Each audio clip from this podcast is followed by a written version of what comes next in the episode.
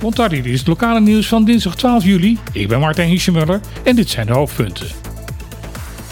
Afgelopen nacht blijkt de bekende Curaçaose schrijfster van kinderboeken, Diana Lebax, na een kort ziekbed te zijn overleden. Lebax heeft veel voor de Andriaanse kinderliteratuur betekend.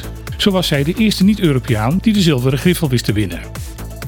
Die prijs kreeg ze voor het boek Nacho van Bonaire, een van haar meest bekende werken. Veel van haar boeken werden zowel in het Nederlands in het Papierments uitgegeven. In 2007 werd ze benoemd tot ridder in de orde van de Oranje Nassau. In 2012 ontving zij de Tapucci di Oro, de Gouden Korenaar. Lebax was niet alleen schrijfster, maar ook docent, vertaalster, zangeres en actrice.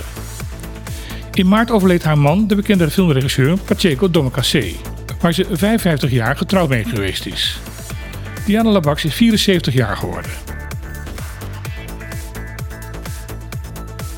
Begin dit jaar werd Bonaire verrast met het bericht dat de belastingvrije voet, het bedrag waarover belastingplichtigen geen inkomstenbelasting over hoeven te betalen, en ook de oude aftrek verlaagd zouden gaan worden. Na halve halen vanuit de overheid in Den Haag dat de kosten van het levensonderhoud in best omlaag moeten, was dit een onaangename verrassing. Achteraf bleek het te komen doordat tijdens de COVID-crisis veel extra financiële steun vanuit Den Haag was gekomen, waardoor er een negatieve inflatie, ook wel deflatie genoemd, op Bonaire was ontstaan. Theoretisch konden dus iets meer dingen kopen van hetzelfde geld dan het jaar daarvoor. Normaal gesproken wordt elk jaar de belasting aangepast aan de inflatie. Zo wordt geprobeerd om de koopkracht van de bevolking op peil te houden. Dit jaar ging het echter andersom, want het geld was juist meer waard geworden. Daardoor ging ook de belastingvrije voet omlaag en dat was even schrikken. Gedeputeerde Hennis Stielen heeft aangekondigd dat hij ervoor wil zorgen dat dit niet meer kan gebeuren. Het moet volgens hem het doel zijn dat de koopkracht van de bevolking groeit, juist als er sprake is van economische deflatie. Op die manier geeft hij juist een impuls aan armoedebestrijding op het eiland. Hij zegt hierover in overleg te zijn met de regering in Den Haag. De Bonaireaanse Sportfederatie maakt zich ernstig zorgen over de net ingevoerde visitor entry tax. Volgens de voorzitter van de federatie, Erik Soliana, heeft de nieuwe belasting ernstige gevolgen voor het sportleven op het eiland. Hij is namelijk bang dat na de invoering hiervan het bijna onmogelijk zal zijn om nog toernooien en wedstrijden op het eiland te organiseren waar buitenlandse deelnemers aan meedoen. Als bijvoorbeeld een voetbalteam uit Curaçao voor een enkele wedstrijd op Bonaire 10 dollar per speler en begeleider extra zou moeten gaan betalen en een team uit Suriname zelfs 75 dollar per persoon, zullen volgens Soliana de meeste buitenlandse teams en sportbonden voortaan Bonaire links gaan laten liggen.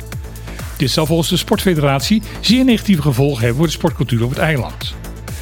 Daarom is een brief aan het bestuurscollege geschreven met het verzoek om bezoekende sporters vrijstelling te verlenen van de toeristentax. Er blijkt van alles mis te zijn met de infrastructuur en de veiligheid op en rondom de drie vliegvelden binnen het Caribisch Nederland. Dit blijkt uit een veiligheidsanalyse die is uitgevoerd door het Nederlands Lucht- en Ruimtevaartcentrum in opdracht van het ministerie van Infrastructuur en Waterstaat. Uit het onderzoek blijkt dat er meerdere onderdelen zijn waar de vliegvelden een verhoogd risico lopen. Allereerst is het de constatering dat de verschillende vliegvelden niet in alle opzichten voldoen aan de richtlijnen die zijn gesteld door de International Civil Aviation Organization. Volgens de onderzoekers moet het de grootste prioriteit krijgen om dat op te lossen. Onderdeel hiervan is dat de onderzoekers stellen dat er onvoldoende budget is voor het beheer en onderhoud van de vliegvelden. Saba en Sint-Eustatius komen hiervoor elk 7 ton per jaar tekort, Bonaire zelfs 3 miljoen. Ook wordt er gesteld dat er onvoldoende search and rescue protocollen zijn opgesteld en ingetraind. Dat betekent dat bij grote ongevallen het risico gelopen wordt dat hierdoor onnodig slachtoffers gaan vallen. Verder vindt het NLR dat er bij de drie vliegvelden te weinig gedaan wordt aan kwaliteitsbewaking.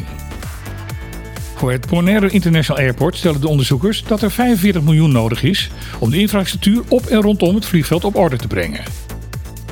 Er is nog geen reactie van het ministerie van INW over de resultaten van het onderzoek. Dit was het nieuws van vandaag.